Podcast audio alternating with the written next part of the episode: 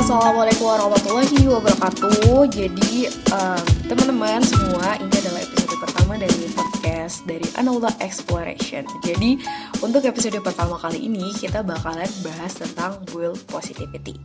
Jadi kenapa sih gue tertarik buat uh, ngebahas tentang build positivity karena menurut gue dengan membangun positivitas ini sangat berpengaruh terhadap mimpi kita ke depan. Jadi untuk selengkapnya bisa didengerin di podcast kali ini. Yang pertama, kalau kita coba buka kamus Oxford, positivity is the practice of being or tendency to be positive or optimistic in attitude. Jadi ada tiga kata nih yang perlu kita garis bawahin, positif, optimistic, and attitude.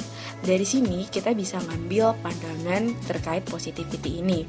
Kalau si positif ini punya relasi dengan sikap optimis. Masing-masing dari kita, gue yakin punya mimpi dan salah satu cara untuk meraih mimpi kita itu adalah dengan membangun positivitas. Jadi meskipun itu mimpi kecil atau besar, jadi positivitas itu perlu di dalamnya.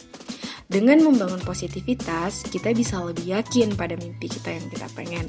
Dan juga positivitas bisa jadi pondasinya. Jadi gimana sih cara kita buat ngebangun positivitas ini? Jadi sebenarnya ada banyak banget artikel yang bisa ngasih informasi ini, tetapi berdasarkan pengalaman gue, ada beberapa poin penting yang bisa kita lakuin untuk create si positivitas ini. Yang pertama adalah dengan bersyukur. Bersyukur itu bakalan ngebangun energi baru dalam hidup kita ketimbang kita ngeluhin yang ada nih.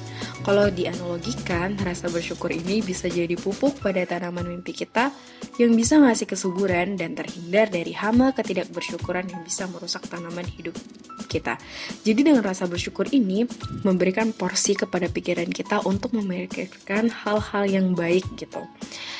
Yang kedua, bangun kebiasaan yang baik dalam kehidupan kita mesti kurangin nih kebiasaan yang bisa ngasih dampak negatif ke diri kita karena gini habits itu bakalan ngaruh uh, masa depan kita jadi siapa kita di masa depan adalah bergantung pada kebiasaan yang hari ini sering kita lakukan gitu kemudian yang ketiga adalah goals jadi kita harus buat perencanaan dalam hidup secara terukur dan spesifik.